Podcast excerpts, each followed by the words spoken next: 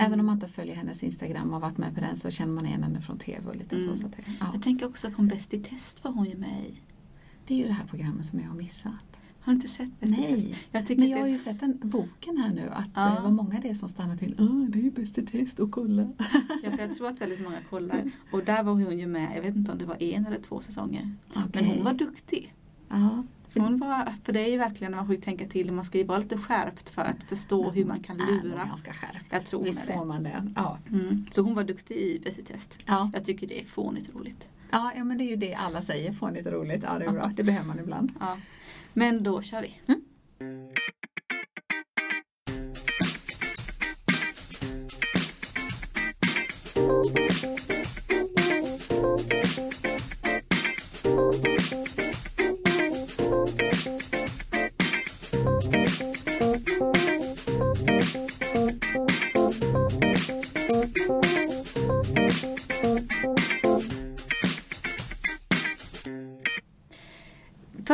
boken ut är ju då eh, Claes Östergrens senaste. Han är en sån som så många läser. Alltså åtminstone tänker jag vuxna Mm. läser. Och Han den känns ju ganska skön för den är ju inte, annars har ju han skrivit verkligen Tjocka.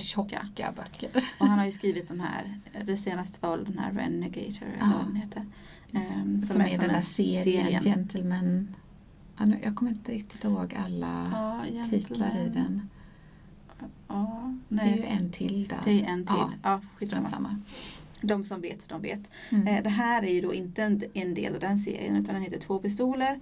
Det är hans senaste. Och den här ehm, handlar ju då om hovstallmästaren till Gustav III. Eh, och det här är en historia som har man lite eh, svensk historia med sig så känner man kanske till den här historien. Eh, den har också blivit dramatiserad tror jag i eh, serieformat för några år sedan. Eh, det är nog rätt så många år sedan nu men jag kommer ihåg när det gick på tv. Ehm, och den här mannen Munk i alla fall, han är nu när boken börjar så är han en åldrad man. Han befinner sig i Italien. Det är en bra bit in på 1800-talet eh, och han ligger, man förstår nästan som att han ligger inför döden. Han är så pass sjuk. Det pågår också epidemier och sånt. Det är kolera och det är annat i Europa. Eh, så han tänker att han ska inte gå ut nu mer utan han ska stanna inne. Det är lite karantän för honom också. Eh, det är lite så, lite, lite lockdown. För han vill inte bli sjuk nu då och liksom förhasta sitt döds skeende. eller så. Ehm, och så ser han tillbaka på då 40-50 år tillbaka och i ja, slutet på 1700-talet när han då var en rätt så respekterad person och han kom sig att få en rätt så central roll i Gustav IIIs liv. Eh, Gustav III som ju var den här kungen som eh, mördades på maskeradbalen. Han sköts. Ehm, och det här är det som Munk ser tillbaka till är ju innan dess. Ehm, och det är, har att göra med Gustav III och hans relation till sin fru, drottningen som var en danska som han gifte sig med. Ehm, och de som känner till det här de förstår. Man har, Ja. Det finns ju något slags belägg ändå för att Gustav III inte var så erfaren i sängen. Nej. Han, hade, han var nervös inför detta och visste inte hur han skulle ta sig an. Så han, det gick flera år av äktenskap utan att de överhuvudtaget hade delat säng med varandra. Eh, och kungen inser väl att han måste ha en arvinge och han vill gärna väl ta det. Och han är, det beklämmer honom den här kyliga relationen han har med sin Åh, fru. hemskt. Ja, och hon å sin sida är också väldigt beklämd och hon har inte så mycket position kanske till att initiera någonting utan Nej. hon går där och tror att hennes man bara inte tycker om henne. Ehm, och i den här kniviga situationen så kallas då hovstallmästare Munk in för att medla. Eh, för att det, det ryktas att Munk nog är lite av en kvinnokarl. Han vet det här med kvinnor och han har en liten fling med drottningens, eh, vad ska man säga, hennes kläd känner, ja.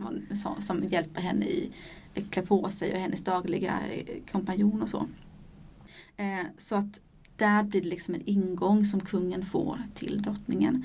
Eh, och det här blir ju mer och mer eh, bitvis rätt så komiskt eh, men också lite beklämmande hur eh, Ja, men man hade liksom ingen sexualundervisning på den tiden.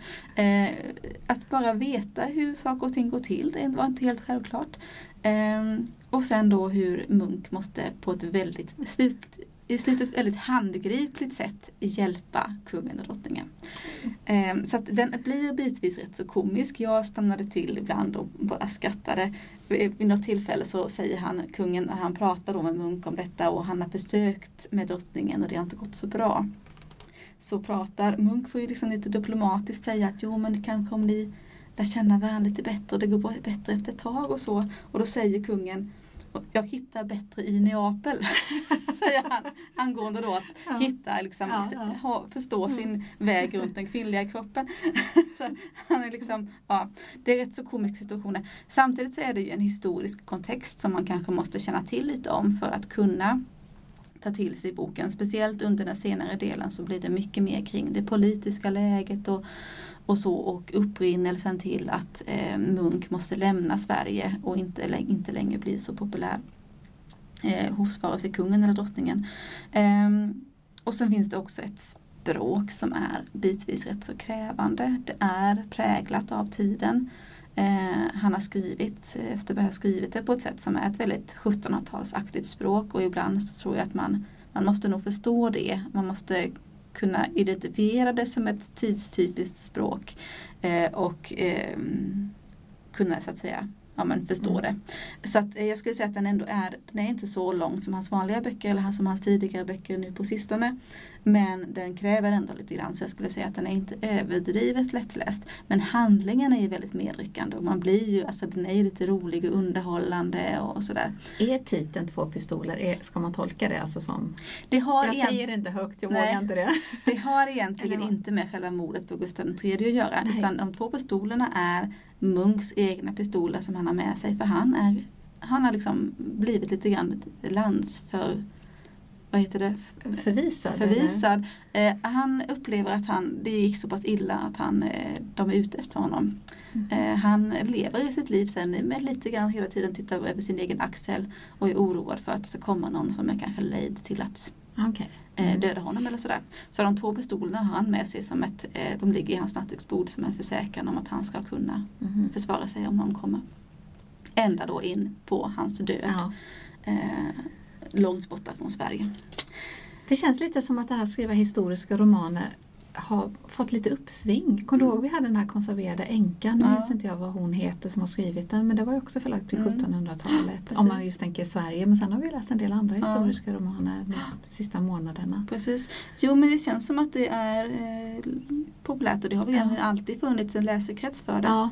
Eh, men eh, det är ju ett bra sätt att se in i och få en bild av hur det kan ha varit att leva eller, eller så. Absolut. Du har ju med dig något helt annorlunda. Ja, nu är vi i nutid och jag har läst en bok av Malin Wollin. Hon är ju Kalmar författare men hon är ju mest känd som krönikör. Jag tror att hon skriver i Aftonbladet nu, kan det vara så? Ehm, och den här boken heter, det är inte hennes första bok, jag vet inte om hon har kanske tre, fyra stycken bakom sig. Ehm, den här boken heter När jag tänker på henne. Och den handlar om en, eh, en familj, en sån här riktigt ynklig, ömklig familj där, där liksom det funkar inte kommunikationen.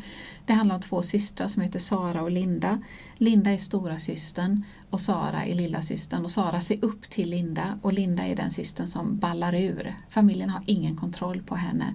Och, och, Det här påverkar ju hela familjen så det är liksom en tystnad i familjen. Ingen vågar, föräldrarna vågar inte säga till Linda för man är rädd att hon ska bli ännu mer utåtagerande eller att hon till och med ska rymma. Så, så hon har liksom hela tiden en håll, håller liksom hela tiden familjen i schack på något sätt.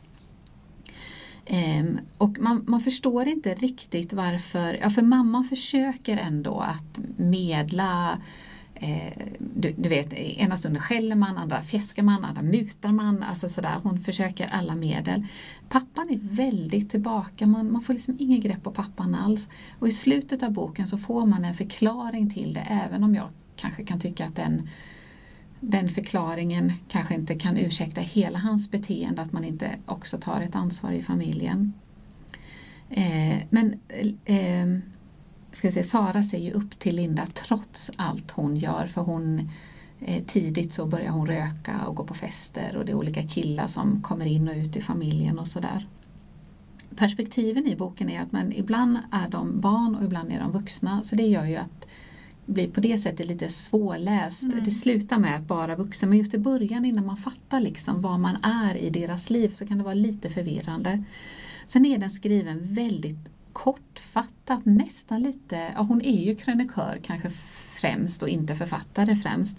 För det, det är väldigt korta kapitel och det är ganska korthuggna meningar, väldigt raka meningar. Eh, så man, om, ibland kanske man önskar att man hade fått lite mer personbeskrivningar. Den är då skriven i Saras, alltså lilla systerns perspektiv. Så egentligen får man väldigt lite hum om Linda, hon bara liksom finns där och mamman och pappan men de beskrivs egentligen inte sådär jättemycket. Mm. Och där kanske man känner att man ibland skulle vilja ha mer perspektiv i boken. Eh, och den här radhusfamiljen, det känns så ynklig verkligen. Man vill liksom bara gå in och nästan liksom krama mm. hålla om dem eller börja prata med varandra eller liksom mm. man vill liksom gå in i boken. Men i mitten av boken så får hela familjen och boken en vändning för mamman hon klarar inte mer, hon bara ger upp så hon ställer sig och skriker på den här Linda. Eh, och kallar henne alla fula ord och säger jag orkar inte, jag orkar inte, du har förstört mitt liv och vårt liv och familjens liv. Och så säger hon hälften av tiden är jag rädd att du är död och den andra halvan önskar jag att du var det. Mm. Det är klart att efter det så hamnar familjen i ännu mer tystnad. Mm. Alltså man, ingen vågar bryta det här. Eh, och sen eh, dör mamman och sen dör faktiskt Linda också. Och det, det, får man reda på tidigt i boken så jag avslöjar Nej. inte det för det förstår man väldigt tidigt i boken att det är så det kommer att bli. Men då handlar det ju väldigt mycket om Saras vuxna känslor inför det här. Var, varför blev det så här? Varför sa vi inte? Varför gjorde vi ingenting? och så. Jag tycker den, alltså den är ganska svart och mörk. Mm. Men hon har ändå ett sätt att skriva med lite humor i mm. och den har en eh, lite förlösande och försonande avslutning mellan ja, Sara och hennes pappa och eh, eh, ja. Ehm, så eh, jag tycker den är väl värd att läsas men den är inte för alla. Nej. Det tycker jag nog inte. Och för den kräver ändå lite just att den är så mörk och det är ett sånt vuxenperspektiv mm. i den. Mm. Hon ska väl, hon ska, var inte hon inbokad på författarbesök i Kalmar här nu? Någon Jag vet att hon kommer till stadsbiblioteket men jag undrar om det inte var också på Dillbergska. Ja, jag jag såg en ja. flyer från Dillbergs ja. att eh, hon skulle komma dit också. Ja, och det måste ju handla om den här boken ja. såklart. Ja. Precis. Avslutningsvis precis så har jag ju den här eh, korta lilla boken eh, där man ju känner igen tror jag. Man vet vem Bianca Kronlöf är så känner man igen henne på omslaget. Hon är ju komiker Eh, och har ju som vi sa också varit med i Bäst i test. Eh, och eh, hon i april i år så la hon ut en, ett, egentligen ett slags brev kanske eller som en text fast i videoformat då på Instagram. Där hon bemötte hela det här uppmärksammade fallet kring eh, Soran Ismail och de anklagelserna som var mot honom och hur eh, ja, men hur olika kanske komiker, kollegor och så slöt upp bakom honom och försvarade honom. Och hon pratade då fram en väldigt känslosam men också väldigt eh, kärnfull text eh, kring hur hon som komiker och som kvinna reagerar på detta. Och detta tänker jag mig blev upprinnelsen till den här boken. Eh, boken heter Brev till mannen. Eh, och hon egentligen skriver olika korta texter som är adresserade till olika män som hon har mött. Och det kan handla om, eh, hon skriver ett kapitel till sin pappa och en till sin ofödda son. Och hon skriver ett till eh, hennes förövare för hon har själv varit utsatt för ett övergrepp. Eh, hon skriver ett till, till dig som köper sex. Hon skriver ett till Eh, Eh, ja, men till dig som aldrig har hon ett kapitel som heter som ju är riktat till de, här, till de män som faktiskt aldrig har gjort någonting sånt här och som aldrig skulle få för sig att göra någonting sånt här. Vare sig att slå eller, eller utsätta eller utnyttja. Um, så att hon har, det är väldigt olika egentligen målgrupper. Uh, men alla har ju det gemensamt att de är av, av eh, födda till män. Um, och I och med att det är olika målgrupper så blir hon också olika i sitt tilltal kanske man kan säga. Alltså, I vissa så är hon ju väldigt skarp. I vissa är hon väldigt fördömande. Eh, I vissa är hon väldigt, eh, vad ska man säga, i vissa är hon mer ömsint eller att hon, det finns liksom en omtanke och, och så i vissa. Så att det är väldigt olika vem hon skriver till då. Men kontentan i alla är ju just hur män förhåller sig till mäns våld mot kvinnor i olika form. Tar hon det på ett samhällsperspektiv också eller är det just männens ansvar? Nej men det är ett samhällsperspektiv och det handlar inte bara om männens ansvar utan det handlar också om mäns utsatthet. För i vissa avsnitt så pratar hon just om eh, ja, men feminism är inte en kvinnosaksfråga utan hon pratar om hur Eh, feminismen också belyser eh, mäns utsatthet av den manliga normen och, och så. Eh, hon belyser till exempel sånt som att eh, män är överrepresenterade vad gäller självmord, vad gäller att bli misshandlade och vad, massa sådana saker. Eh, psykiskt mående och sådär, eller dåligt mående psykiskt. Eh, och att allt det är ju en sida av eh, ett ojämnt, ojämställt samhälle. Eh, så att eh, hon det är inte bara så att säga, det är inte en alltigenom anklagande ton i, i, boken utan hon är väldigt ska man säga, informerande. Hon bjuder in till att se kvinnoperspektivet i vissa frågor. Eh, hon eh, förklarar liksom och jag tycker hon är precis som i den här video, videon hon gjorde på Insta så är hon duktig på att sätta fingret på mm. vad som är problemet. Um, och vad vi behöver som befolkning och mänsklighet eh, adressera, vad behöver vi ta tag i, vad behöver vi samtala om, eh, var går vi om varandra och sådär.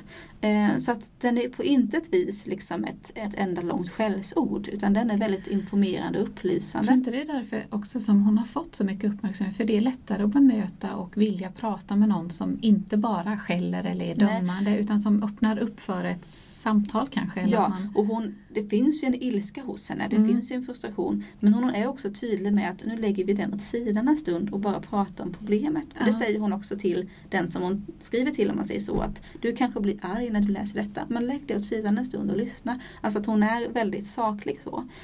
Um, och jag, tycker, jag tyckte verkligen om den. Jag tycker att hon är duktig på att få fram kärnan i problemen. Eh, sen kan hon ibland, jag tycker hon är duktig på att liksom beskriva det så det blir tydligt. Ibland vid ett par ställen så tänkte jag att ja, men nu spårade hon ut lite språkligt. Det blev lite svårt att följa hennes tråd här. Men generellt så tycker jag att hon gör det jättebra. Eh, och det är jättemånga ställen som jag känner bara att åh men det här, och jag vill, liksom, jag vill nästan ha en bok som jag kan stryka under i för att det här är precis så det är. Eh, så. Som till exempel hon har ett avsnitt då, det är rätt så långt fram eller i slutet av boken så har hon just det här kapitlet som är till eh, till dig som aldrig, alltså till de männen som aldrig har gjort någonting mot kvinnor som är på något vis fel. Eh, och hon säger det att, att, att, du behöver inte övertyga mig. Jag vet att det finns, de flesta män är jättebra och toppen. Och problemet är ju då när hon belyser till exempel att om hon säger att kvinnor blir slagna, då blir de här männen upprörda såklart. Men om hon säger att män slår kvinnor så bemöter hon så ofta, eller blir hon ofta bemött av ilska mot henne för att hon säger så. Att det ofta stannar där diskussionen, att männen tar illa vid sig. Och då tycker hon att, men kunde ni inte istället för att bli arg på mig kunde ni inte samla er ilska mot mm. de männen som Just slår? Det blir felriktat. Ja. Man tar inte tag på problemet utan mer på man, formuleringen. ja, eller precis. Eller man skjuter sändebudet ja. eller vad man säger så. Ja. Um, så att uh, hon, jag tycker att hon hon tar problemen och liksom vänder och vrider på dem och belyser lite på dem och, och så. Um, så jag tänker mig att det som jag kände med den här boken är att ja, den här är jättebra, alla borde läsa den. Eh, bara för att hon är duktig på att sätta på. Sen är inte hon utbildad, hon är ju inte liksom någon sån expert utan det här är ju bara utifrån hennes erfarenheter som en rätt så offentlig person. Så jag tänker att hon kommer i kontakt med väldigt mycket människor. Eh, och det är ju just med utgångspunkt i det som hon skriver de här olika breven. Eh, men min farhåga är ju att det är främst kvinnor som kommer läsa den. Mm. Och att det är en sån bok som antingen så är man inte intresserad som man eller så kanske det känns vad vet jag. Ja, men lite tufft kanske att ta till ja, sig. Precis. Men skulle man kunna läsa några kapitel eller tycker du att man behöver läsa brev för brev? Nej, det är det jag också tyckte var så bra. Jag tänkte just ur ett skolsammanhang att den här skulle man ju kunna ta ett sånt här och mm. ha som ett diskussionsunderlag och läsa i en klass eller läsa i ett kollegium och se eh, eller läsa, vad vet jag, med kompisgänget eller någonting. Mm. Eh, så man behöver verkligen inte läsa hela. Sen är det ju bara på en, vad då, en 120 sidor så den är inte på något vis lång. Men man kan verkligen välja ut vissa texter och tänka att det här skulle vara intressant att diskutera diskutera. Och då tycker jag ju väldigt mycket att det är intressant det här som riktar sig till de som faktiskt inte utövar någon våld eller några övergrepp eller någonting. Mm. Utan det är främmande för dem. Men hur kan man då förhålla sig till att det faktiskt finns våld som utövas av män? Eller som de, det avsnittet som handlar om eh, feminismens roll och betydelse för just män. Eh, hur ska, och, vet att det fanns ett avsnitt som pratade om att män är i generellt sett sämre på att eh, underhålla sina relationer. Att man som pojke lär sig inte det på det viset. Och det är allt från att uttrycka känslor till att be om hjälp och Mm. vara svag och sårbar och sånt där. Eh, att det hör ihop med att så många män till exempel lever ensamma och hamnar i utanförskap. Eller att så många, mycket, många fler män hamnar i brottslighet eller, eh, eller då blir mår psykiskt dåligt, begår självmord och så vidare. Att allt det här hör ihop och att ehm, man kan inte prata om mäns våld mot kvinnor. Eller ja, det kanske hon inte säger men jag tänker så i alla fall att, att det, har, det är som två sidor av samma mynt. Um, så att det, det, hon, hon jag tycker inte hon förenklar det eller bagatelliserar utan hon belyser verkligen komplexiteten. Men i vissa texter är hon ju väldigt enkel att nej men eh, till dig som köper sex. Alltså hon verkligen belyser eh, att du tänker fel. Eh, eller som, jag tror det kortaste brevet är till patriarkatet och där är, jag ska krossa dig. så, eh, så att hon är ju liksom ibland väldigt tydlig och, och lämnar inte på något vis sina väldigt eh, uttalade Men övertygelser. det, det har ju något skönt i sig också det här att vi, vi kan inte, det får vara slutdiskutera, det finns ingenting att diskutera längre, det får bara vara slut. Mm, så precis. att, på ett sätt kan ju det vara lite befriande också. Ja, att, precis. Så att, ja, jag tycker verkligen det var läsvärd. Eh, jag rekommenderar alla att läsa den. Ja, jag ska läsa den. Det var tre böcker han vi med idag. Ja, kul. Då syns vi nästa vecka. Ja, det gör vi. Hej, hej. hej,